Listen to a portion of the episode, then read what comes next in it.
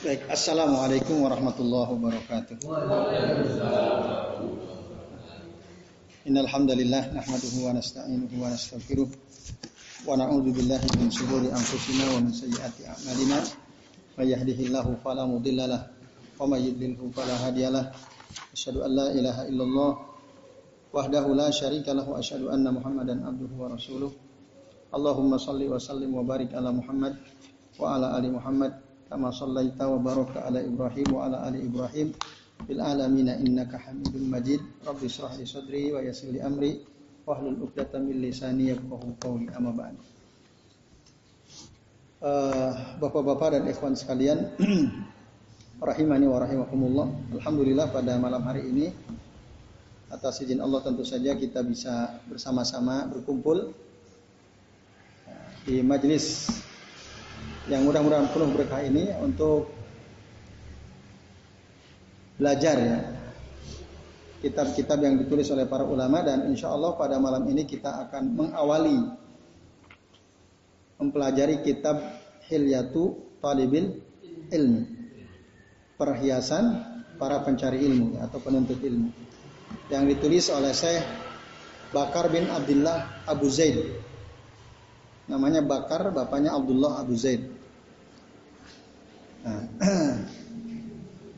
Siapa Syekh Bakar bin Abdullah Abu Zaid itu siapa? Dia ini siapa?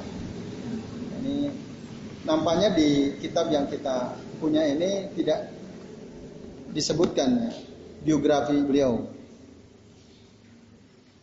Nah, biasa kalau di buku-buku yang ditulis oleh di kita di lokal Indonesia itu di bagian akhir ada kan biografi si penulis ini kayaknya nggak ada. Oleh karena itu penting saya sampaikan supaya kita paham. Beliau ini salah satu ulama salaf kenamaan ya di Saudi. Beliau adalah salah satu imam dan khotib Masjid Nabawi. Di Bakar bin Abdullah Abu Zaid itu salah satu imam dan khotib Masjid Nabawi lahir tahun 1944.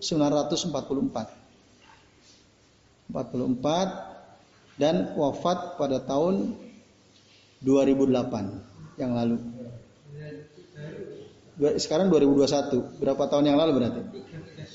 13 tahun yang lalu ya. Beliau ini ya bisa dibilang seangkatan dengan Syekh Utsaimin. Ah, teman inilah ya ulama sejaman. Makanya kitabnya beliau disarah juga oleh Syekh Utsaimin. Ya. Jadi Syekh Bakar Abdullah bin eh, bin Abdullah bin Abu Zaid ya. Dan gurunya sama. Gurunya Syekh bin Bas. Syekh Abdul Aziz bin Bas. Mulazamah itu ya. Selalu hadir di majelisnya Syekh Abdul Aziz bin Bas rahimahullah. Tapi yang paling lama yang paling lama bermulazamah itu dengan Syekh Asingkiti rahimahullah yang nulis kitab tafsir Adwaul Bayan fi tafsir Al-Quran bil Quran. Ya, ada 10 jilid itu kalau tidak salah. Nah, itu paling lama duduk di majelisnya saya asing kiti. Maksud setiap ada majelis asing kiti, saya asing kiti, beliau selalu hadir. Selalu hadir. Nah, jadi lamanya beliau berguru kepada saya asing kiti sampai akhirnya diberi ijazah. Ijazah itu dibolehkan untuk mengajarkan ilmu-ilmu yang pernah dipelajari. Ya, oleh para ulama di antara oleh Syekh Singkiti termasuk oleh Syekh Abdul Aziz bin Bas rahimahullah. Nah, itu ya. Itu sekilas lah info tentang Syekh Bakar bin Abdullah Abu Zaid rahimahullah. Nah, beliau tokoh lah, tokoh ulama salaf di tapi berbeda dengan Syekh Al-Albani ya, Syekh Muhammad Nasiruddin Al-Albani rahimahullah. Syekh Albani menulis kitab uh, sifatu salatin nabi ya. Sifat salat nabi minat takbir ila taslim ka'anna kataro. Nah. Sifat salat nabi dari takbir sampai salam seakan-akan kau melihatnya. Syekh Bakar bin Abdullah Abu Zaid punya kitab La jadi dafis salat. Tidak ada hal baru dalam sholat. Isinya semua mengkritik Syekh Albani. Tapi kitabnya tipis ya. ada beberapa poin lah yang saya bahkan nggak setuju dengan pendapat saya Al Albani, saya Al Albani. Menarik tuh sebenarnya. Ya begitu, kepala ulama begitu, saling menghormati satu sama lain ketika tidak sepakat dengan pendapat ulama pulang pulang gitu ya. Dalam tulisannya ya nulis.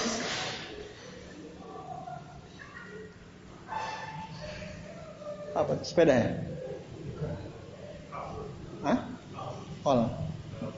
Oh, nabrak tiang, eh, kabel. Oke, baik.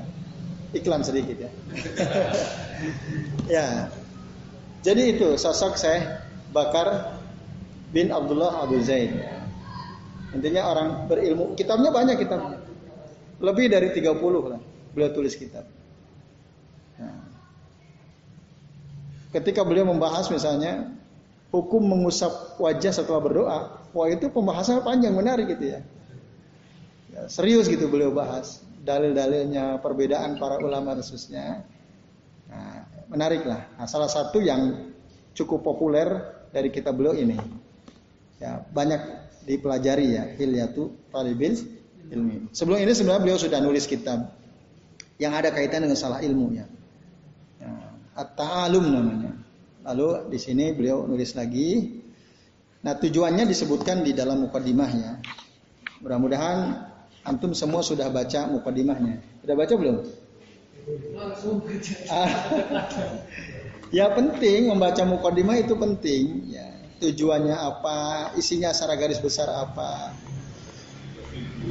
Ah. Nah ini jangan sampai miskin literasi gitu ya. Baca kesimpulan nggak tahu latar belakangnya harus tahu juga gitu ya. Kurang lebih intinya beliau nulis kitab ini ya supaya para tolibul ilmi, para penuntut ilmu itu yang udah bagus semangat itu tidak rusak. Intinya itu. Jangan sampai gue udah semangat cari ilmu, tapi adabnya nggak punya adabnya, rusak semua itu.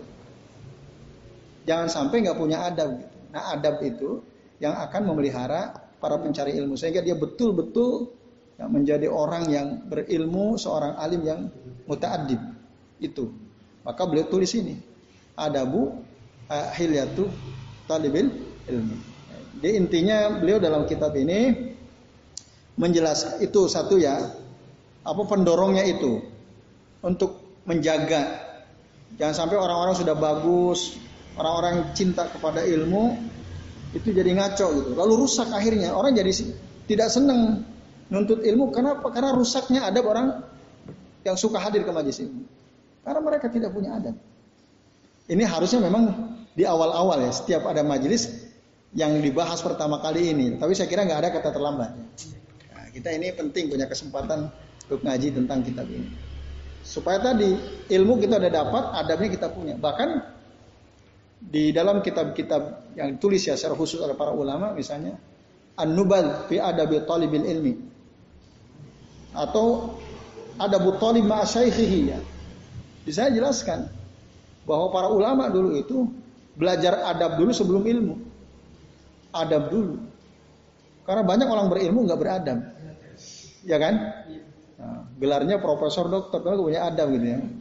Nah, itu banyak. Jangan sampai seperti itu. Nah, lalu beliau tulis kitab ini termasuk juga supaya tidak bersikap fanatik ya. Seorang penuntut ilmu jangan sampai perilakunya fanatik ya terhadap seseorang terhadap golongan khususnya. Nah, itu yang ringkasnya secara ringkas itulah. Yang kedua, nah, yang dimaksud apa yang dibahas di dalam kitab ini adalah adab-adab secara umum bagi para penuntut ilmu-ilmu syara. Gitu ya. Karena ada kitab-kitab khusus kan, ada adabul mufti, ada adabul talib ma'asyaikhihi, ada adab apa misalnya? Uh, ada adabul imam misalnya kan gitu. Adab seorang imam adabul makmum adab sebagai makmum. Itu ada kitab-kitab yang secara spesifik ditulis. Nah, misalnya. Ah tapi ini kitab ini ya isinya menjelaskan tentang adab-adab ya, yang harus dimiliki oleh setiap orang yang menuntut ilmu khususnya ilmu-ilmu syara. Ilmu syara itu apa? Ya ilmu fikih, ilmu akidah, ilmu tauhid, ilmu tafsir, ilmu hadis. Nah, termasuk ilmu bahasa Arab dan seterusnya. Itu termasuk al-ulum asyariyah. Nah, jadi ini sangat penting ya.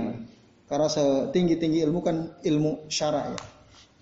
Ya ini itu kurang lebih ya ringkasan dari mukadimahnya itu. Kalau ingin lebih detail silakan nanti baca sendiri gitu ya. Nah, supaya uh, lebih mantap nanti antum silakan baca sendiri. Baik. Nah, sekarang kita akan memasuki inti dari kitab ini pasal pertama halaman 5. Ya. Silahkan dibuka halaman 5. Sudah ketemu?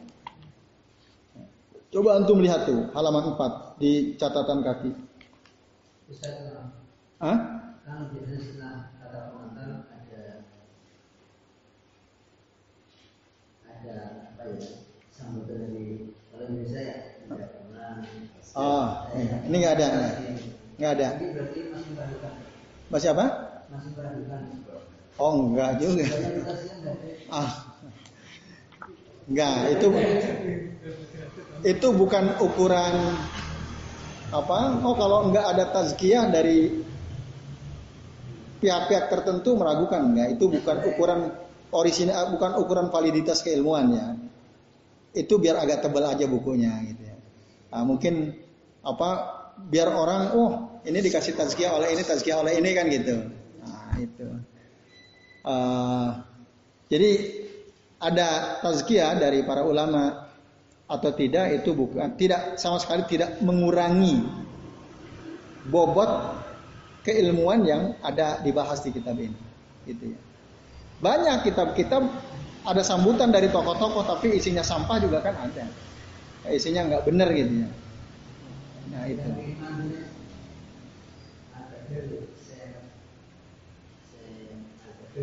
Saudara Rajak Al-Badara itu itu lebih junior, itu lebih muda dari dari saya bakar ini. Lebih mudah dari saya. Ah? Berarti antum nggak dengerin tadi. Tadi ngobrol tadi berarti. Harus tabiin. Gak ini ulama muasir. Se se inilah kira-kira selevel saya Usaimin lah seangkatan saya saya ini. Hmm. Oke itu ya. Baik, mari kita buka halaman 5. Nah, karena ini ya ada masing-masing punya, saya mau ada salah satu dari antum membaca gitu ya. Nanti penjelasannya. Baik. Yang pertama coba Siapa yang atau Mas Fajar lah baca baca sampai terjemahan yang ada di bawah bahasa Arab sampai situ. Sampai kata hati itu. Silakan baca. Yang lain dengerin. Adab-adab diri menuntut ilmu. Hmm. Ilmu adalah ibadah. Hal paling prinsip dalam hiliyah ini bahkan merupakan prinsip dalam semua persoalan yang harus kau ketahui adalah bahwa ilmu itu ibadah. Sebagian ulama mengatakan al ilmu sholatu siri wa ibadatul qalbi. Oke. Okay. Uh. Salat rahasia dan ibadah hati. Oke, okay, baik, syukran. Nah, sampai situ dulu ya. Nah, muntas. Jadi beliau katakan aslul usul fi hadhil hilyah bal walikulli amrin matlub ilmu bi anal ilma ibadah. Ya, kamu harus tahu bahwa ilmu ilmu itu ibadah. Ilmu itu ibadah. Kita mencari ilmu ini ibadah. Ibadah. Ikhwas kalian ya. Jadi ibadah yang tidak diragukan lagi. La syakka kata si al Bal huwa min ajallil ibadat. Bahkan ini ibadah paling agung.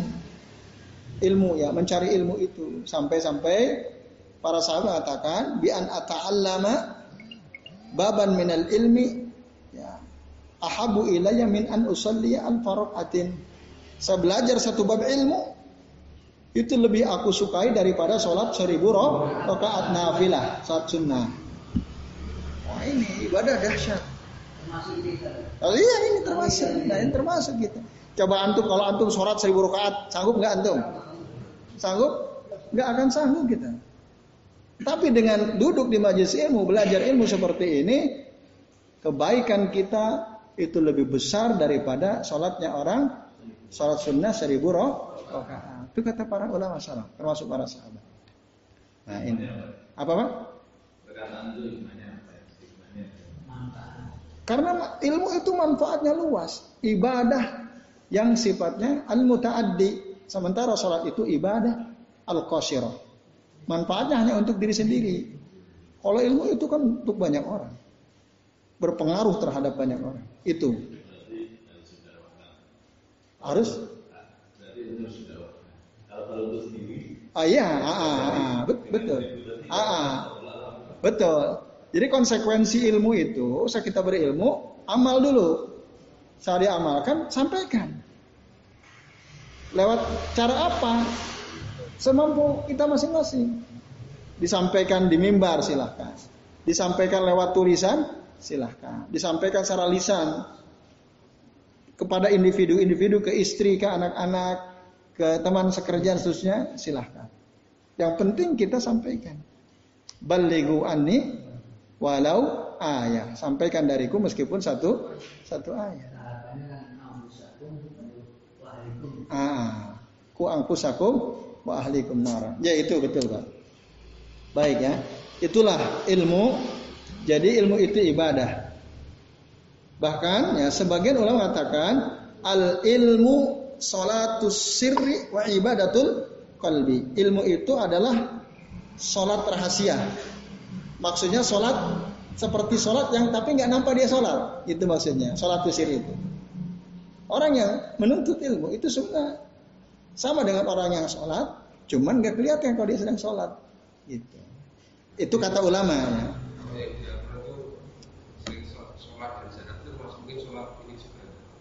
Menuntut ilmu. Iya. Ya, yang jelas dalilnya banyak banget deh. Perintah untuk menuntut ilmu banyak sekali. Yang kemarin kami kita pernah bahas ya, surah At-Taubah ayat 122. Itu kan jelas sekali. Ya. Wa makana ya.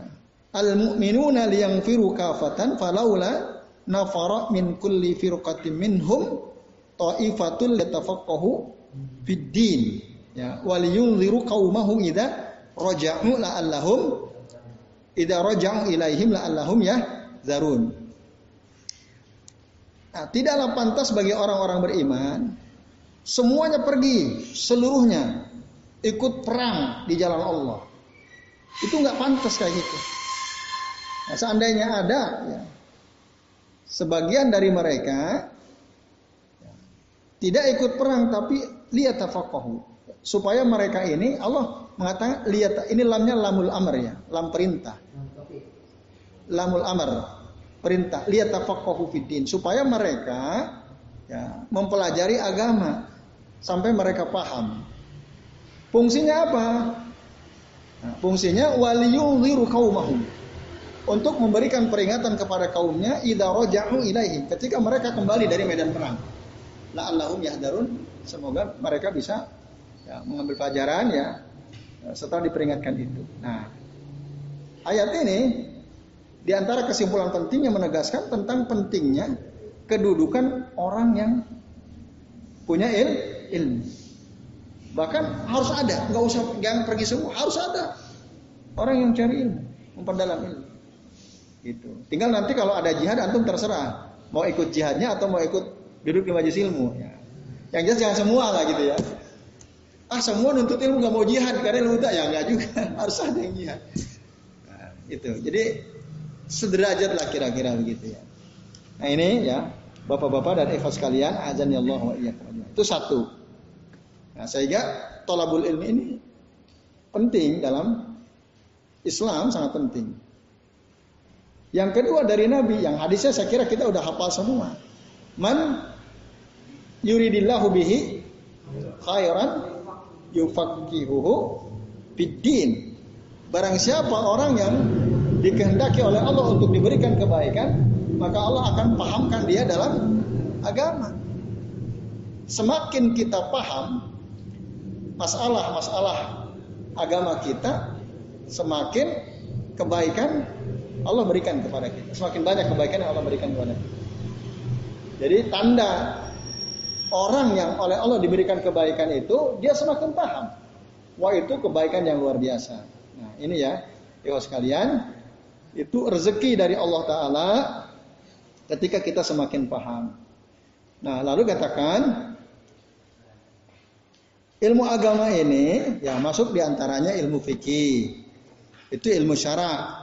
Masuk juga di antaranya ilmu akidah, ilmu tauhid dan yang lain-lain. Maka berbahagialah ya jika Allah memberikan kepadamu kebaikan berupa ilmu. Nah, ketika kita dapat ilmu berarti Allah menghendaki untuk memberikan kebaikan kepada kita. Al Imam Ahmad mengatakan, Al Imam Ahmad bin Muhammad bin Hambal, al ilmu la ya'diluhu syai'un liman sohat niyatuhu. Ilmu itu enggak ada yang bisa membandinginya dalam kebaikan. Tidak ada yang bisa dibandingkan dengan ilmu. Jadi ilmu itu luar biasa baik sekali.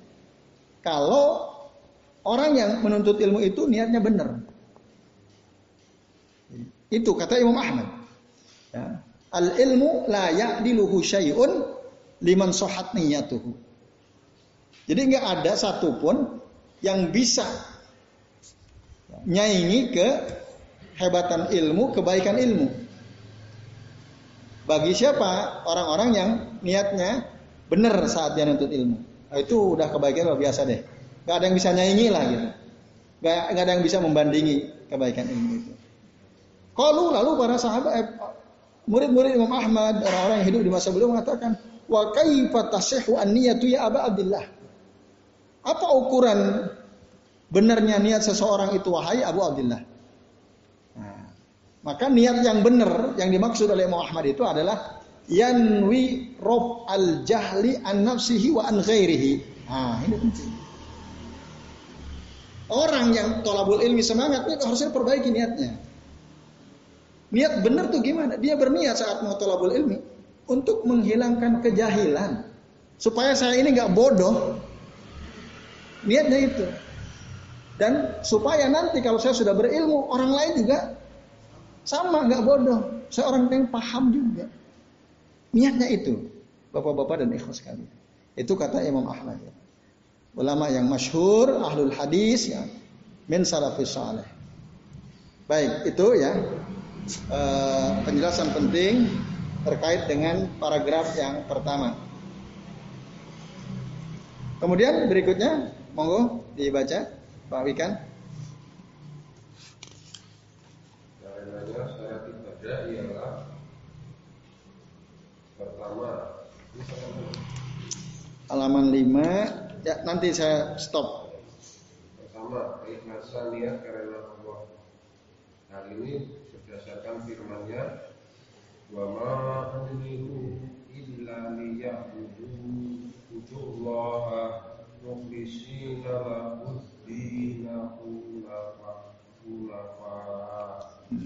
Padahal mereka tidak diperintah kecuali supaya beribadah kepada Allah dengan memurnikan ketaatan kepadanya dalam menjalani agama dengan lurus. Al-Ma'idah ayat 5. Ya, terus dalam sebuah hadis ahad yang populer diriwayatkan dari Amirul Mukminin Umar bin Khattab bahwa Nabi Shallallahu Alaihi Wasallam bersabda, Innamal akmalu dunia Sungguh seluruh amalan itu tergantung pada niat hmm. al-hadis. Hmm.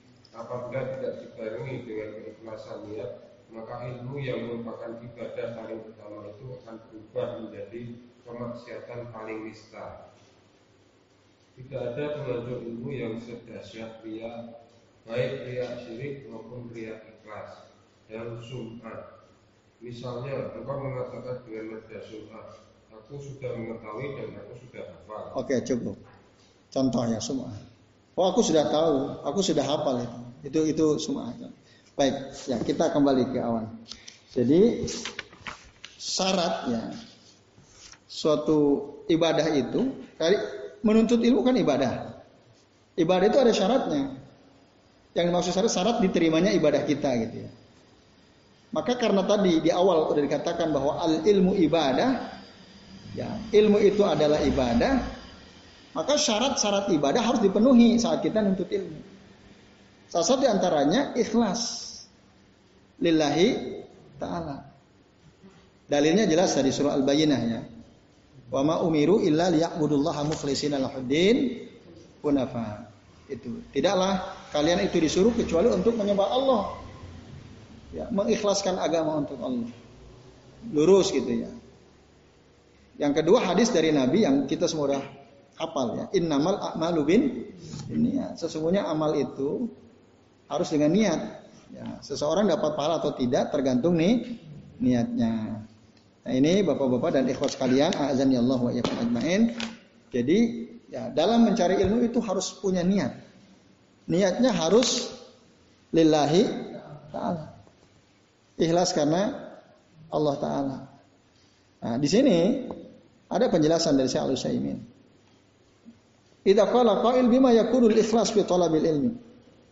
Kalau ada orang bertanya bagaimana ikhlas dalam mencari ilmu itu gimana? Kalau tadi menurut Imam Ahmad apa tadi? Imam Ahmad mengatakan untuk menghilangkan kejahilan dari diri dan dirinya dan orang lain. Nah, saya mengatakan Ikhlas dalam tolabul ilmu itu ya, yakunu fi umurin. Ya ukurannya ada beberapa, disebutkan ada empat menurut dia. Satu, antan wiya bidalika imtisala amrillah. Dia berniat saat tolabul ilmu itu untuk mentaati perintah perintah Allah. Ada nggak perintah dari Allah kalau kita disuruh menuntut ilmu, berilmu? Ada nggak? Ada. Nah, ada dalam surah Muhammad ayat 19.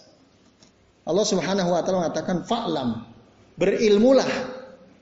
Ketahuilah, ketahuilah kan fa'lam berarti berilmulah.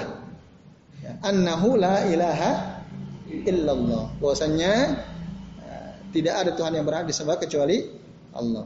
Nah, kata saya Utsaimin, ya khusus subhanahu wa taala alal ilmi. Allah mendorong kita supaya kita ini ber, berilmu. Nah ini bisa dipahami ya. maka al-hasu ala syai' yastaljimu mahabbatahu wa bihi wal amru bihi. Dorongan terhadap sesuatu itu mengharuskan ya, atau menjelaskan adanya kecintaan, keriduan dan perintah. Jadi kalau kita mendorong anak kita untuk melakukan satu perbuatan, itu artinya kita senang perbuatan itu. Nah, ayo sholat jamaah. Kita senang kan sholat jamaah itu. Kita ridho dengan perbuatan itu. Dan kita nyuruh dia. Ayo kamu kalau sholat berjamaah. Nah, ketika Allah nyuruh kita fa'lam, itu Allah artinya ridho kalau kita punya ilmu. Ya Allah cinta terhadap orang-orang berilmu dan Allah menyuruh kita untuk supaya kita ini berilmu. Nah, itu yang pertama. Jadi niatnya itu Niatkan untuk mentaati perintah Allah. Kita disuruh. Fa'lam itu kan fi'il fi'il amr, kata kerja perintah. Ketahuilah, berilmulah kamu. Yang kedua, antan wiya bidzalika hibbu syariatillahi azza wa jalla. Diniatkan untuk menjaga syariat Allah. Itu. Jadi waktu kita datang ke majlis ilmu untuk menjaga syariat Allah. Karena supaya kita bisa menjaga syariat Allah nggak mungkin kecuali dengan belajar. Ya. Dengan mempelajari syariat Allah itu setelah kita tahu kita bisa jaga. Itu baik ya dengan kita simpan dalam hati kita atau kita tulis. Caranya bisa dengan seperti itu. Nah, itu ya untuk menjaga syariat Allah. Itu niat. Ya. Ikhlas itu cirinya yang kedua. Saya ingin jangan sampai syariat Islam ini rusak. Maka kita harus jaga. Kita harus ya uh, pelajari supaya kita ngerti yang benar mana yang nggak benar mana. Yang ketiga antan ya bidalika himayat syariah wad difa anha.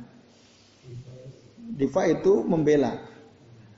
Nah, niat dengan menuntut ilmu itu untuk himayah, ya, as-syariah, menjaga syariat, Islam maksudnya, dan membela syariat. Diniatkan untuk itu. Karena kalau bukan para ulama yang membela syariat siapa lagi? Syariat diobrak-abrik, dirusak. Ya. Kalau kita diam aja, ya tambah rusak. Tapi dengan adanya para ulama, orang-orang berilmu, maka masyarakat awam jadi ngerti, oh ternyata orang yang mau obrak-abrik syariat ini nggak benar. Ya contoh banyak sekali lah yang kita bisa sebutkan ya. Ya contoh ya soal para santri, para penghafal Quran yang menutup telinga saat mau vaksin ada musik itu, ya kan? Di bully gitu ya oleh sebagian orang, oleh tokoh ya, di medsos gitu ya. Bahkan ada, mohon maaf, ada tokoh ya tahu sendiri lah ya, saya nggak usah sebut namanya. Nah, jadi ini salah nih cara pendidikan yang salah. Ini calon-calon teroris, ya. Padahal mereka hanya menutup telinga, nggak mau dengerin musik. Mereka nggak maksa, eh panitia tolong matiin musik kalau nggak kami hancurkan di kantor. Kan nggak begitu. Mereka hanya tutup telinga. Nggak mau dengerin musik karena mereka tahu musik itu haram. Gitu ya. Dengerin musik itu haram. Nah, justru dengan begitu kan para ulama tampil ya, ustaz-ustaz yang udah punya ilmu, mereka tampil membela. Nah, coba kalau nggak ada para ulama, kita bingung gitu kan.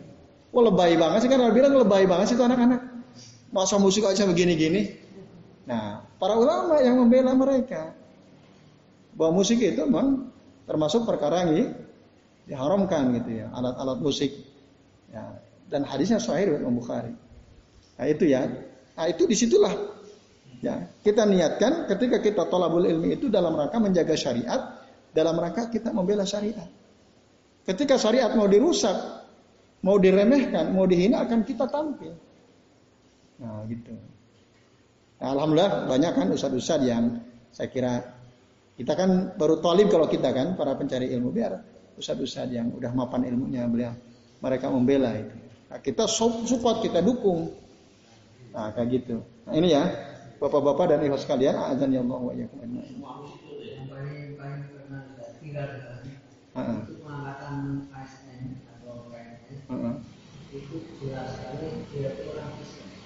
Ya, ngajar di Aliyah kan? Di Sulawesi. Ah, di Sulawesi, di Sulawesi. Nah itu. Ya merugikan dong. Oh, merusak. Itu bahas kan. Nah, iya. Dan yang ngaco kok kok bisa departemen yang berkaitan nerima gitu loh. Kok ditempatkan di madrasah aliyah gitu. Nah itu kan. Ya nggak tahu. Kepala sekolah itu kan keputusan dari atasnya kan. Bisa menolak. Bisa menolak. Oh ya. Oke. Okay, okay. Uh, nah berarti. Uh, uh. Kalau sekarang bisa dibully tuh kepala sekolah begitu. Bisa dibully kepala sekolah kok ekstrim banget radikal banget kan begitu. Maka takut dia. Mungkin walau alam kita nggak tahu ya. Tapi yang jelas tentu departemen yang punya kewenangan dalam soal itu kok bisa menempatkan ya seorang guru di madrasah aliyah padahal dia bukan seorang muslim. Itu kan jadi contoh buruk di, di madrasah aliyah kan wajib semua perempuan pakai jilbab eh gurunya nggak pakai jilbab nah, itu masalah rusak rusak terus belum siswa-siswanya kan. Iya, melihat ada gurunya perempuan gak pakai jilbab. Terus pakaiannya juga mungkin tidak syar'i kan, lebih rusak lagi, rusak lagi. Ya itu bahaya. Nah, maka apa? Nah, itu antum tanya langsung ke mereka-mereka. Saya nggak tahu tuh. Ya. Kok diam saja gitu ya? Ya, intinya faktanya begitu. Nah, maka kita itu harus membela gitu. Kalau kita tahu ilmunya, membela. Ya bisa lewat media sosial gitu ya. Kita punya Twitter, kita bersuara bahwa ini nggak benar, akibatnya begini-begini. Atau di Facebook barangkali. Walaupun nanti resikonya dihabisin. Ya itu kadang saya malasnya begitu ya. Nah, ngabisin waktu bikin spanen kita kan. Nah, Mu'adzabun min qabli Jadi masuk dana yang itu orang berilmu saya gaya sebelum orang-orang. Oh ya. Ya. ya. Masa berilmunya kayak. Jadi gini, ada orang berilmu nanti ditanya oleh Allah Taala, kamu mengapa menuntut ilmu? Ya, karena engkau ya Allah. Tapi Allah bilang kadzabta, kamu bohong. Kamu menuntut ilmu itu bukan ya karena aku, tapi kamu ingin supaya dibilang orang berilmu gitu. Nah, maka orang seperti ini dia ditarik, diseret dan dimasukkan ke dalam neraka. Nah, itu. Maka di situ harus lurus niatnya ya. Bukan untuk wah saya ini punya ilmu banyak khususnya. Nah, maka hati-hati tuh di situ ya. Niat dalam tolabul ilmi. Jangan sampai mencari ilmu justru menyebabkan kita yang pertama kali di azab di neraka. Kan ngeri itu ya. Maunya kita jadi orang baik, ah, ah, malah rusak. Karena apa? Dari niat nggak benar niatnya. Ingin dibilang wah hebat, wah banyak hafalannya, wah luas wawasannya dan seterusnya. Nah ini ya. Itu yang ketiga. Yang keempat. Nah maka kata sini. Walihada najidu syaikhul islam wa ghairuhu min ahli ilmi alladzina tasaddu li ahli bidah. Nah oleh karena ini kita mendapatkan bahwa Syekhul Islam Taimiyah dan para ulama yang lain bagaimana mereka itu berusaha untuk menentang para ahlul bidah. Maka mereka tulis kitab-kitab. Saya Islam Taimiyah misalnya menulis tentang uh, al apa al farqu baina auliyai ar-rahman wa auliyai syaitan ya. Perbedaan antara wali-wali Allah zat yang maha rahman dengan wali-wali syaitan. Nah, itu kan untuk bantahan-bantahan terhadap ahlul bid'ah. Nah, itu. Nah, itu itu untuk menjaga syariat Islam. Coba kalau nggak ada ulama yang membela siapa, yang menjaga siapa? Ketika ada seorang dianggap wali, Ya, lalu sholatnya Jumat gak pernah kelihatan katanya di Mekah sholatnya. Ya, bahkan gak perlu sholat yang kita udah bahas kemarin kan. Wong dia udah tiketnya wali. Hah? Ah. Ah. terus kemarin saya buka saya Ah. saya di rumah masih ternyata saya Ah. Dia ngomong apa kemarin?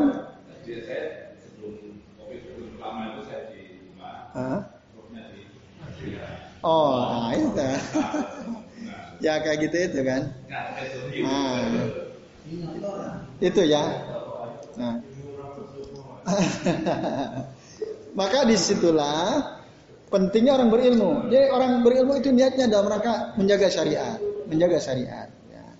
Dan membela syariat. Dan yang keempat, antanu ya bidalika ittiba'a ya.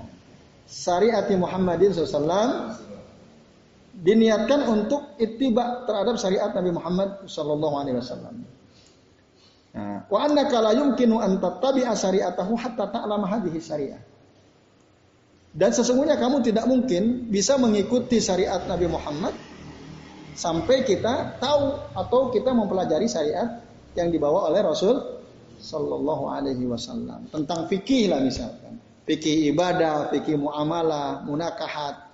Kita mana tahu kalau kita nggak mempelajarinya, nggak mengilmuinya. Nah, maka dengan kita belajar berilmu itu kita jadi bisa ngikutin syariat Nabi dengan sem sempurna. Jadi niatkan itu. Saya tolabul ilmu itu supaya saya bisa ngikutin syariat Rasul Muhammad Shallallahu Alaihi Wasallam. Nah ini ya Bapak-bapak dan ikhwas sekalian, azan ya Allah wa Oke, itu penjelasan dari paragraf ya, yang tadi kita baca ya. Jadi tadi kalau nggak benar, yang tadinya utama jadi rusak, bahkan jadi seburuk-buruk uh, perbuatan tadi ya. Apalagi kita riak tadi. Nah ini hati-hati ya. Ingin kelihatan kalau kita ini berilmu. Ah itu ngeri juga tuh, hati-hati tuh. Ya, itu. Itu ria di sini sebut ada ria syirik, ada ria ikhlas gitu ya. Ria syirik itu tujuan mencari ilmunya bukan lillahi ta'ala tapi untuk keuntungan du, dunia. Nah, ria ikhlas itu ya seakan-akan kita ikhlas. Padahal sebenarnya enggak gitu ya. Enggak. Nah, contoh misalnya kita ingin menunjukkan kalau kita ini sudah banyak menghafal hadis Nabi, banyak menghafal ayat Al-Quran dan seterusnya. Nah itu, ah?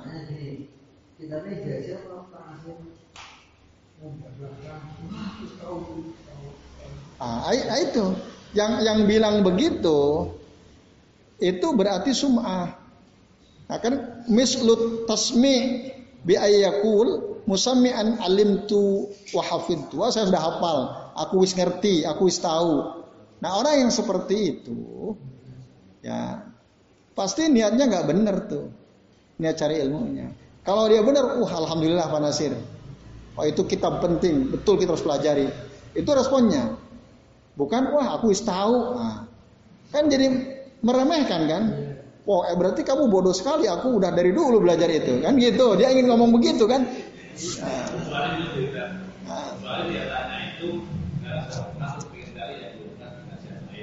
Ah, oke, oke ya, ah, bisa. Hmm.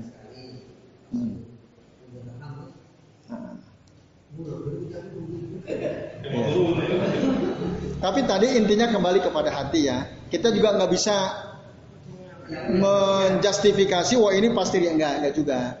Ya mungkin oh kalau itu saya sudah pernah dulu mempelajari kitab tersebut di majelis ini uh, dengan ustadz siapa itu belum tentu ria belum tentu ya. Uh, intinya oh saya udah pernah. Saya tadi saya ingin ada enggak majelis yang antum hadiri mempelajari kitab yang saya belum pernah gitu.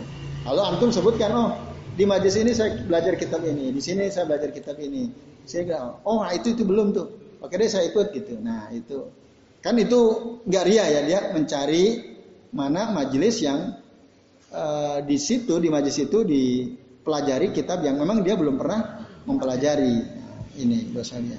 J itu ya. Nah maka tadi hati-hati Intinya jangan sampai kita salah niat, jangan sampai kita sum'ah. Ya, sum'ah itu bagian daripada ria. Ya, kita ngomongin, oh saya sudah hafal ini, saya sudah apa tahu tentang masalah ini dan seterusnya. Ya kalau kita sudah tahu ya sudah, alhamdulillah, oh gitu ya. Nah, gitu aja. Oke. Tapi tapi kecenderungan kita orang kebanyakan kan inginnya sum'ah kan gitu. Biar oh, kamu top sekali gitu ya. Ternyata sudah lebih dulu mempelajari daripada saya kan. Kita inginnya begitu gitu. Pada umumnya orang seperti itu.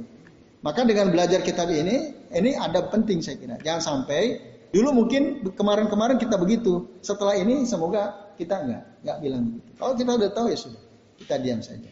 Yang yang perlu kita terus dorong gitu ya. Orang yang sedang belajar, wah bagus sekali. Semoga saya bisa seperti kamu dan seterusnya. Yaitu Bapak-bapak dan ikhwan sekalian. Ya. Baik, jelas ya. nah, lanjut. Mas Apri. Maka dari itu, bersihkan dirimu dari hal yang mengontrol niat dalam. Seperti kesenangan menyerahkan diri dan mengalahkan teman, menjadikan ilmu sebagai batu loncatan untuk meraih ambisi dan kekayaan duniawi, baik berupa jabatan, uang, kehormatan, ketenaran, pujian, atau menarik perhatian orang lain kepadamu. Jika hal-hal ini dan yang serupa dengannya mencapai niat, niscaya akan tetap terhilanglah keberkahan Oleh karena itu, wajib menjaga niat dari mudah keinginan kepada selain Allah serta menghindari hal yang mengantarkan kepadanya. Cukup, ya. Sampai situ ya. Nah, jadi jelas ya saya kira terus kalian jangan sampai niat kita ini kotor. Kalau ada niat yang sifatnya duniawi dalam hati kita saat kita tolabul ilmi itu segera kita hilangkan. Jangan sampai dunia yang kita inginkan ya. Tadi dalam hadis saya mengatakan mereka orang-orang ilmu karena dunia itu akan termasuk orang yang pertama kali dimasukkan ke dalam neraka. Ya, ada tiga golongan tuh ya, mujahid fi sabilillah, al mutasaddiqun wa talibul ilmi ya, orang-orang yang mencari ilmu. Nah ini satu lagi para penghafal Quran ya, para penghafal Quran ada empat. Nah, bapak-bapak dan ikhwas sekalian, azan ya Allah Oleh karenanya kita wajib menjaga niat sehingga tidak tercampur oleh maksud-maksud buruk. Itu. Carilah ilmu untuk mencari keridhaan Allah Taala, jangan untuk mencari keuntungan du duniawi. Jadi saya kira ini sangat clear ya, jelas. Baik, satu lagi, satu paragraf lagi. Monggo. Masih ya.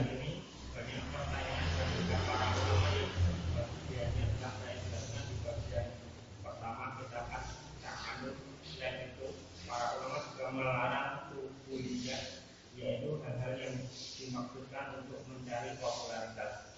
Ada pepatah mengatakan jalahul ini ya Jalat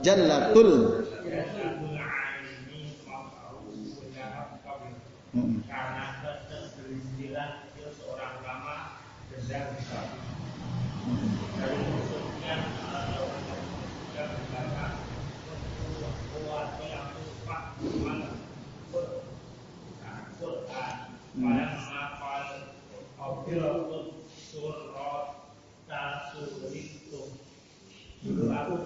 dikaruniai kepahaman tentang Al-Quran. Namun setelah menerima hadiah penguasa Kepahaman itu dicabut dari diri. Baik cukup. Nah, baik bapak-bapak dan ibu sekalian, ya azan ya Allah main. Nah, jadi para ulama dulu, ya, mereka sudah memberikan pernyataan-pernyataan, ya, sikap ya, yang menjelaskan tentang pentingnya menjaga niat ya. Itu dijelaskan oleh Syekh Bakar bin Abdullah Abu Zaid ya dalam beliau punya kitab dari kami sudah sampaikan. Jadi sebelum menulis kitab ini beliau punya kitab namanya kitab Ta'alum.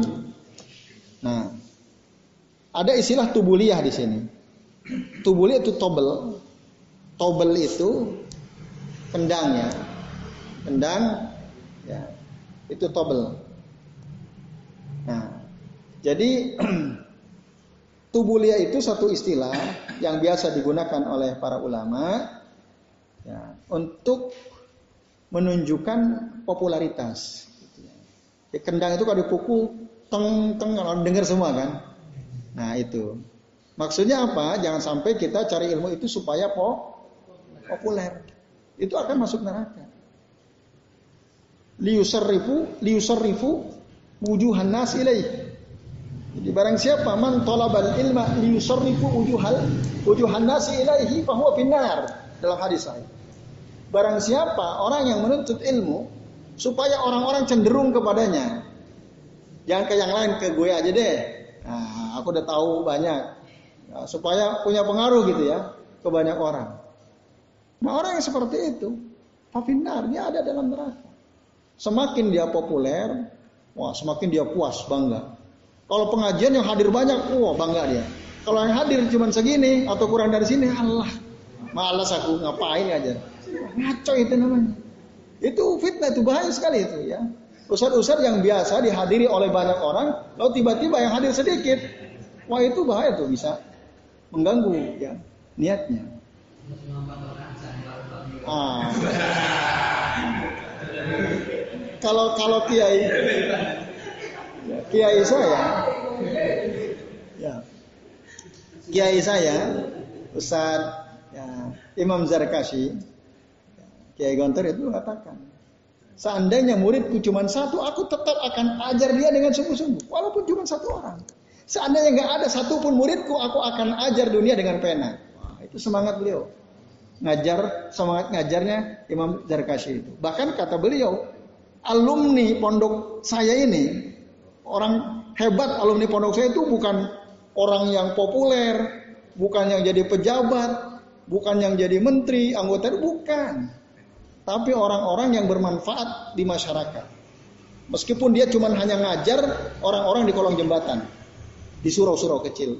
Itulah alumni pondok saya yang hebat. Ukuran orang hebat seperti itu. Itu kata itu sangat bermanfaat ya kata-kata Kiai Imam Jarkashi itu bagi para alumni. Jadi Jangan dunia yang kejar. Cari ilmu itu untuk menghilangkan kebodohan dari dirimu dan dari orang lain. Meskipun mungkin hanya beberapa orang. Yang tadinya orang nggak ngerti bisa jadi jadi ngerti. Nah itu ya. Jangan sampai tubuliah tadi. Ya, ingin populer ya. Nah, kalau ingin populer gampang banget. Khalid Arab itu aja udah. Khalid Arab. Selisih orang banyak, kamu pasti dikenal. Itu udah selisih aja. Setiap orang orang cenderung gini, kita cenderungnya beda. Maka si bazir-bazir itu kan terkenal karena menyelisihi kebanyakan orang kan. Nah itu. Nah itu. Jadi kalau ingin terkenal udah gampang. Gak usah capek-capek nuntut ilmu gitu. Nah ini ya. Nah, bapak-bapak dan ibu sekalian, azan ya Allah wa iyyakum ajmain. Ya. Nanti hati-hati. Kalau udah pengen dikenal, terus kita terkenal, salah kita dikit, oh rame tuh. Ya atau tidak? Nah, kalau itu resikonya ngeri itu kalau kita sudah populer itu. Kalau ada toh, saya kira banyak contoh lah. Ada ada seorang pendakwah kan dikenal, ya. Eh terus dia baca kitab, ternyata salah bacaannya, kan dia habisin itu kan, dia habisin. Ba nggak usah disebut namanya. Ya. Nah, bahkan ini kasus anak-anak santri para menghafal Quran pada nutup telinga dia kecipratan juga tuh. Kan ada, mohon maaf ya si gundul, orang menyebutnya si gundul yang punya podcast itu kan, komentar miring juga. Akhirnya tergantung siapa yang nuntun dia. Ya sama-sama ngaconya kan gitu. Wah dihabisin juga tuh, kena juga tuh. Nah itu bahayanya. Jangan sok pinter. Nuntut ilmu jangan ingin supaya po populer jangan. Ya, biarlah berjalan biasa saja. Gak usah ingin populer, gak usah. Nah itu ya, bapak-bapak dan ya ini nasihat untuk kita semua tentu saja saya kira. Ini adab dalam mencari ilmu ya. Nah, kemudian di sini dikutip kata-kata Sufyan As-Sauri rahimahullah ya. Beliau mengatakan kuntu uti tufahmal Quran. Dulu aku diberi kepahaman oleh Allah tentang Quran. Nah kemudian falamma kubil surah. Ketika aku menerima apa itu surah? Di sini kata surah itu al hadiyatu min sultan ya. Hadiah dari seorang pemimpin ya. Wah, kalau sekarang orang berlomba-lomba pengen dapat hadiah dari pemimpin tuh ya. Jabatan. Ah, jabatan. jabatan. Jabatan komisaris. Makanya ketika ada orang semua, wah ini jangan sampai 10 periode. Eh ada orang berilmu bilang dalam dalil fikih nggak ada larangan tuh. Sampai ada yang ngomong begitu kan? Iya nggak? Nah, ya orang bilang dia ulama. Nah, kan ngeri sekali itu ya. Nah, Bapak-bapak dan ikhwas sekalian, jadi itu. Padahal dulu ulama, ya, ketika mereka udah paham, hilang pemahamannya gara-gara yang dunia tadi. Gak usah keras-keras. Ya, jadi menerima hadiah dari pemerintah. Kalau sekarang menerima jabatan jadi komisaris misalnya kan, nah, jadi dirut dan seterusnya, Makanya nanti ilmunya jadi hilang. Ya. Dan banyak kan komentar-komentar miring terhadap beberapa sosok gitu ya, yang dekat dengan penguasa, yang seakan-akan kayak nggak punya ilmu. Seakan-akan ilmu betul hilang. Masa orang sop rapat katanya itu adalah kebiasaan bangsa Arab? Kan ada pernyataannya seperti itu. Itu perintah Nabi kok dibilang kebiasaan bangsa Arab kan hilang ilmunya itu. Sampai orang ah, orang sampai nanya ini orang udah belajar belum? Ah. Ah. Ah. Ah. Ah, itu yang dibanggakan gitu ya. Walaupun agama rusak nggak ada masalah. Ah. Gak usah. Gak usah. Nah. nah jadi inti dari apa yang disampaikan oleh Sufyan As-Sauri rahimahullah ya, beliau ingin memberikan peringatan memberikan peringatan at-tahdzir ya bahwa saat kita nuntut ilmu itu jangan sampai salah nih salah niat benerin niat Nah, ya, sama-sama. Ya kita semua sama-sama saling mendoakan. Saya kira semua kita kan berpotensi niat kita tiba-tiba salah ya. melenceng di tengah-tengah. Nah, semoga kita semua yang hadir ya pada malam hari ini kita semua di majelis mana pun di ya dijaga oleh Allah niat kita supaya tetap lurus ya. Niatnya lurus tadi ingat ya untuk mentaati perintah Allah, menjaga syariat Allah, ya, membela syariat Allah, mengikuti syariat Nabi Muhammad Shallallahu Alaihi Wasallam. Nah itu ya. atau tadi untuk mengangkat kebodohan dari diri kita dan dari orang lain supaya kita nggak bodoh. Insya Allah kalau orang niatnya benar, tidak futur, tidak mudah capek gitu. Tolabul ilminya. Kan ada orang rajin awalnya, tapi karena salah niat, akhirnya males lagi udah, hilang semangatnya. Ah, itu pasti niatnya salah tuh. Niat udah aku udah sering-sering hadir ke majelis ilmu, kok nggak ada yang muji-muji ya? Ah, misalnya. Ah itu. Ya, itu pasti putur tuh. Nah, itu. Oh kok yang datang sedikit ya? Itu itu salahnya. Kalau orang bener niatnya, mau yang datang cuma dia sendiri, dia tetap se semangat. Jadi saya kira ini bapak-bapak sekalian ya, ini jam berapa ya dah? Jam 10. I, itu bener jam? Oh salah ya. Oh mati salah ya. Ya ya. Baik, jam 10 kurang 10 ya? Ya. Saya kira sampai halaman berapa tadi? Sampai halaman 7 nanti insya Allah kita lanjut lagi. Ya, sedikit-sedikit tapi mudah-mudahan keserap gitu ya. Nah, keserap. Gak apa-apa ya gitu ya, saya suruh baca satu-satu gitu ya. Ya, supaya antum punya kita bukan pernah dibaca kan, ya minimal baca pas di sini kan. ah, biar nggak ngantuk juga ya. Ya itu, salah satu hikmahnya itu ya, salah satu hikmahnya. Berarti nanti yang ngantuk yang suruh baca ya. Sekaligus yang nggak punya buku supaya beli buku kan gitu. Ya. Baik, sebelum diakhiri ini ada waktu 10 menit. Barangkali ada yang mau bertanya, kalau silahkan. Ya, silahkan. Ah, pernyataan. Pernyataan, ya.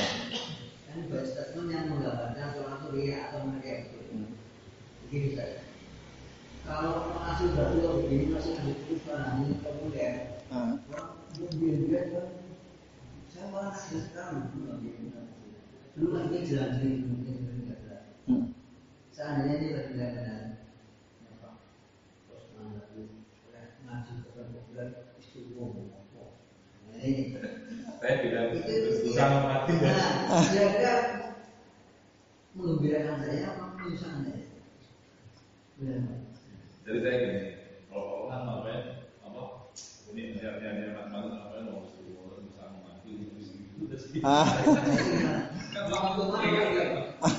Ah. Mengingatkan tadi katanya. Ah, tinggal antum menurut antum merugikan atau menguntungkan? Menurut antum? Ah. Seperti Imam Malik mengatakan makanan lillahi apa? Ah. Sesuatu yang jelas Allah itu lokal. Ah. ah. Dan berarti beliau itu menjaga yang mungkin, Hmm. jadi orang tetap ngaji. Ah. Saya ikhlas itu. Ah. Mudah-mudahan ya. Ah, iya. Ini adalah hari saja. Iya, iya,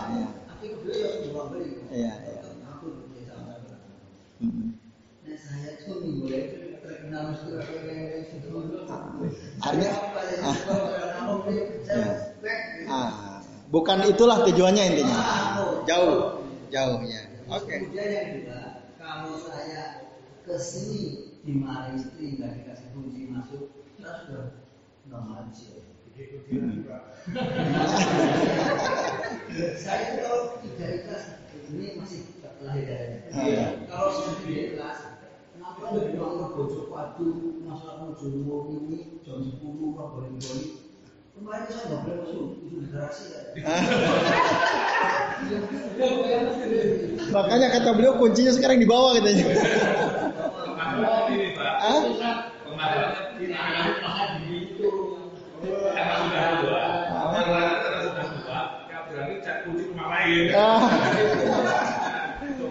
kalian masih muda seperti Abu Fahmi gitu ya. Cari kunci yang lain. Gitu ya. Ya, ya. Ya, ya, ya. Siap, ya, pardon. Jadi banyak ahli berkaitan dengan menurut ilmu, saya kira begitu ini orang-orang yang berdarah sama tahu kuliah di IAIN, tahu cari LC di Saudi, hmm kemudian niatnya dia itu untuk bekerja hmm. menggunakan kejahatannya dia untuk bekerja hmm. nah ini termasuk dunia enggak hmm. mengingat juga tadi kan kalau menurut ilmu ada motivasi dunia itu soalnya sih hmm. Kan. tapi di satu sisi bekerja sendiri adalah ibadah mm-hmm. karena dengan ijazah itu dia bisa kerja dia diterima mm-hmm. apa apa mm-hmm. Nah, Supaya dia bisa kerja. dua Ah. itu, itu gimana. Ya, intinya menjamakan dua dua niat. Ah. Satu itu karena Allah, Hmm. karena Allah ya. Yang satu bekerja. Ini yang satu akhirat, yang satu dunia. Ini mengurangi perbedaan antara dua itu. Oke. Itu saja. Itu saja yang tanyakan. Iya. Itu. Ya kalau seperti gini temannya. Kalau orang sudah umroh ya, dulu umroh. Hmm. Sebelum dia masuk kerja di umroh itu nggak pernah ada orang masuk. Ayo umroh, ayo hanya dulu gini gini loh. Hmm. Ya kita nggak menghakim niat ya. Hmm. Tapi setelah dia masuk masuk di umroh, dia gencar begitu. Ngajak orang umroh. Ini motivasinya apa? Motivasinya target atau memang ibadah ibadah ibadah Ah. dakwah gitu? Ah. Nah, kalau begitu tanyanya. Ah, ah, ah. Ya. Ya. Baik. Ya, monggo. itu? Ya. Mempelajari ilmu-ilmu dunia gitu ya. Eh, baik. Terima kasih ya Abu Fahmi dan Pak Wika. Satu tadi prinsipnya bahwa tolabul ilmi itu harus lillah tadi ya. Lillahi ta'ala. Dia udah punya, dia udah punya itu kan. Lillahi ta'ala. Terus setelah dia selesai dia berharap dapat ijazah. Gitu kan? Ijazah untuk apa? Supaya bisa digunakan untuk melamar kerja kan gitu. Nah, bapak-bapak dan ikhwas sekalian, mencari karunia Allah itu kan sesuatu yang diperintahkan juga. Ya. Itu jelas ayatnya banyak sekali dalam surah Al-Jumu'ah di antaranya kan. Asal niat lillahi ta'ala tolabul ilminya tidak tercerabut, tidak hilang. Nah, selama itu tetap kokoh ada dalam hatinya, lalu setelah itu ya dia berharap dapat ijazah, nanti dengan modal ijazah itu dia bisa melamar pekerjaan gitu ya, dapat pekerjaan dan ada penghasilan. Karena apa? Karena itu syaratnya di Indonesia harus punya ijazah gitu. Kalau nggak ada ijazah saya nggak bisa kerja misalnya. Nah, maka itu nggak jadi masalah. Nggak jadi masalah. Yang penting niat lilahnya itu tidak hilang ya. So Simon pernah ditanya masalah itu, dia mengatakan ya eh, orang yang sedang tolabul ilmi, lalu dia ada harapan dapat ijazah, lalu ijazah itu dia gunakan untuk cari kerja, untuk mencari karunia Allah, ada masalah. Asal niat ilahi ta'alanya nggak hilang. Gitu. Ah, maka kalau dalam istilahnya uh, salah seorang tokoh ya, saya nggak usah sebut deh namanya. Nahnu duat qabla kulli syai itu ya. Kita ini sebenarnya dai sebelum profesi apa pun ya. Kan masing-masing kita punya profesi beda-beda. Setiap kita ini dai, dai ilallah.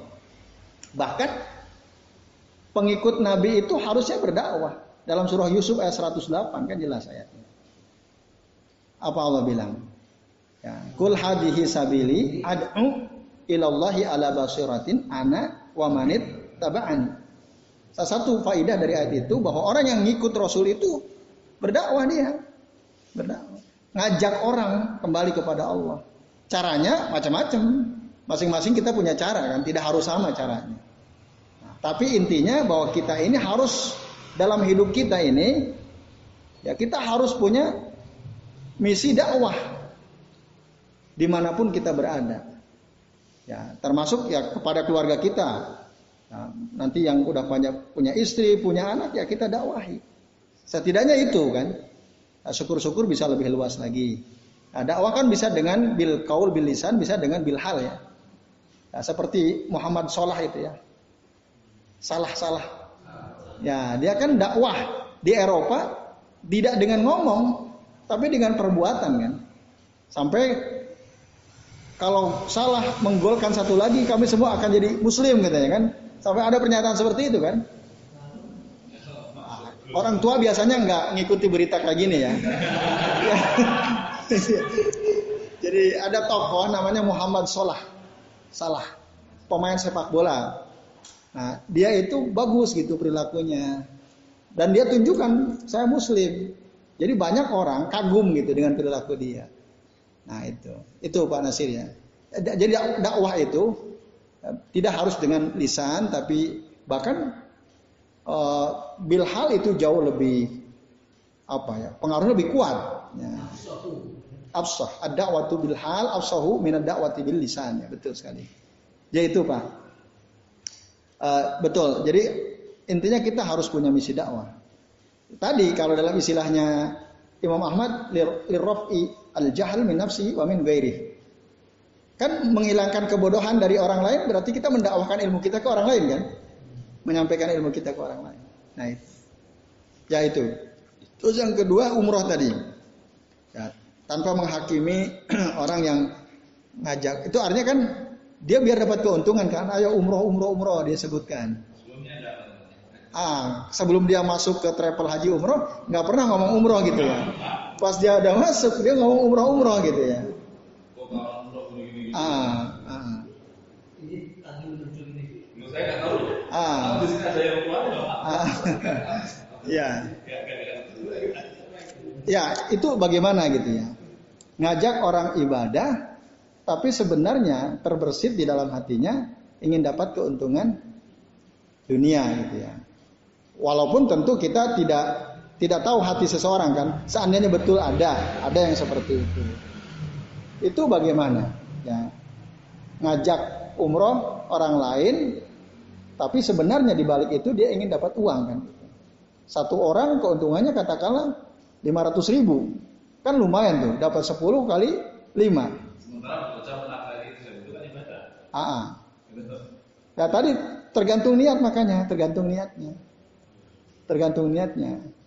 Jika itu pekerjaan dia di situ, ya, dikatakan travel haji umroh, betul-betul dia fokus di situ. Nah, dan dia akan digaji jika dia begini-begini. Dia dapat target sekian-sekian kan gitu. Dia yang jelas eh, apa kita disuruh untuk mencari karunia Allah. Selama cara itu halal kan nggak ada masalah. Nah. balik, karena untuk saya sendiri juga. Ini ada waktu saya. Hmm. Ini bukan budaya. Ah, Orang ngomong ah, juga juga. Saya akan mikir, kamu itu kalau nggak dalam tim itu ngomong juga juga. ah, Saya akan mikir apa itu? Nah, situ. ah, Lah akhirnya saya kadang mikir kalau nggak kalau nggak masuk tim itu nggak ngomong riba nggak dakwah riba berarti dakwahmu itu karena tim karena masuk tim tim perusahaan yang memba yang fokus pada riba. ya Ah. kan riba riba makanya di program saya supaya nggak riba dan sebagainya loh. Oh gitu. itu nah, saya kadang pikir yang yang itu juga kalau nggak masuk tim itu perusahaan itu. Dakwah riba belum kalau nggak berarti motivasinya dunia betul nggak segitu Ah. benar nggak konsumsi Kesimpulan seperti itu. Ah, Ya. seperti anu saya pernah tidak mengaku saya kan masih ingat dari Ustaz Yusuf Usman itu pimpinan Azhar Ah, tidak mengapa menjamakan jamiah yang sangat baik seperti umroh dan jualan. Umroh dan jualan. Umroh dan hanya di jualan. Mm-mm. Boleh mm, mm. cuma pertanyaan dari saya kalau kamu nggak jualan mau umroh nggak kalau bilang nggak gimana berarti jadi motivasinya kan dunia lebih tinggi mm. jadi di sini berlaku mak yang lebih utama dapat akhiratnya atau dunianya mm. karena ada ayat itu saya ingin dari tafsirnya ya di Al-Quran itu Gimana tuh? Wamina nasi Kalau ada yang Rabbana ada di dunia hasanah Mama lambil artimin kelak Hmm. Setelahnya Ya. Di dunia hasanah Wala hasanah Bersama ada banyak Hmm. Ulai kalahu Nasbi ma'asabidu Ah, ah. Berkaitan dengan itu Walaisa lahum fil akhirati min khalaq itu ya. Ah, jadi uh, orang yang niatnya dunia maka Allah akan kasih gitu kan. Allah akan berikan tapi dia nanti di akhirat nggak dapat apa-apa gitu ya. Allah ya ada beberapa ayat ya yang intinya sama bahwa orang yang tujuannya dunia Allah akan penuhi apa yang dia inginkan itu. Ah, tapi kelak di akhirat dia nggak akan dapat apa-apa. Nah itu adalah orang yang memang motif utamanya adalah dunia, yang dia kejar dunia. Ya contoh lain beginilah. Ada seorang ibu puasa terus rajin puasa. rajin sholat lail. Ketika ditanya, kenapa sih bu kok rajin banget puasa, rajin lail? Ya, biar anak saya sukses, kan gitu ya, kayak gitu. Jadi motivasi, motif yang mendorong dia kuat ibadah itu supaya anaknya sukses. Nah ini hati-hati kayak gitu itu. Nah, nah itu yang oh dorongan itu niatnya, dorongan utamanya dia dunia. Nah harusnya nggak kan itu banyak kesalahan orang tua tuh. Nah kamu sekolah yang tinggi biar apa bu? Ya biar nanti kamu kerja gampang. Kan nggak ada ibu yang, nah kamu sekolah biar apa bu? Biar kamu pinter, biar kamu paham ilmu agama dan seterusnya kan. Jarang kan orang begitu ya. Mungkin ada tapi jarang. Pada umumnya ketika seorang ibu orang tua nyuruh anak sekolah ya itu dunia yang jadi dorong. Makanya banyak jadi sarjana banyak yang nggak bener kan. Nah itu ya karena salah niat. Intinya kembali ke niat lah. Niat. Kalau istirok niat gak ada masalah. Tadi ada niat berserikat dalam niat selama niat akhiratnya lebih kuat dari niat dunia gak ada masalah. Tadi yang saya usahakan bilang ditanya, boleh nggak seseorang yang tolebul ilmi lillahi ta'ala, tapi dia berharap dapat ijazah supaya bisa melamar kerja. Nggak ada masalah. Berarti yang niat Allah itu selalu ada ya? Ya, itu yang nggak boleh lepas. Iya. Ya itu Pak Abu Fahmi ya. Terus Pak Wikan, tadi ilmu-ilmu dunia bagaimana? Ya, para ulama ketika membahas soal ilmu itu maksudnya ilmu ilmu syara maksudnya. Nah, itu yang wajib. Sementara ilmu-ilmu dunia itu al-fadl namanya. Al-fadl itu apa? Ya tambahan. Ya, tambahan kalau kita dapat ya suatu yang baik. Tapi kalau enggak, enggak akan berdosa gitu. Kecuali sangat dibutuhkan oleh kaum muslimin, ya dokter lah misalnya. Enggak ada orang Islam mau belajar ilmu kedokteran. Semua dokter orang kafir semua gitu ya. Padahal kita butuh berobat. Nah dalam keadaan seperti itu, nah, maka harus ada orang muslim yang mau belajar kedokteran ya ahli penyakit dalam dan seterusnya gitu. Gitu. Ya, termasuk teknik sipil gitu ya. Bangun bangunan yang kokoh buat jembatan yang bagus dan seterusnya. Itu penting juga ada. Nah, itu keutamaan kalau tapi ilmu syara nggak boleh dia tinggalin. Nah wajib. Ya. Belajar bagaimana sholat yang benar. Belajar bagaimana supaya tidak syirik. Belajar bagaimana tauhid yang benar. Itu harus. Nah, walaupun dia calon insinyur teknik sipil misalnya khususnya. Ya itu Pak Wikan. Jadi nanti bisa menilai ibadah jika nanti ilmu dunia itu diaplikasikan untuk ibadah. Ah, diniatkan untuk mempermudah urusan kaum muslimin. Nah itu. Supaya apa? Ya syariat terjaga tadi. Syariat terjaga. Jangan sampai kaum muslimin di bergantung pada orang kafir, ya, dibohongi orang kafir. Nah itu jadi ibadah. Ya itu. Ya, wallahu taala alam. Baik Bapak-bapak dan ada sekalian ya udah jam 10 lewat 7 kita sementara cukupkan ya sampai halaman 7 ya. Halaman 7 insya Allah nanti kita lanjut lagi di masa yang akan di pekan depan insya Allah. Terima kasih atas perhatian antum semua dan mohon maaf bila apa yang kami sampaikan ada kesalahan dan kekeliruan. Dan sebelum waktu saya kembalikan ke moderator saya akhiri. Ya wasallallahu ala Muhammadin wa ala alihi wa sahbihi wa baraka wa sallama alaihi ajmain. Billahi taufiq wal hidayah. Wassalamualaikum warahmatullahi wabarakatuh Thank you.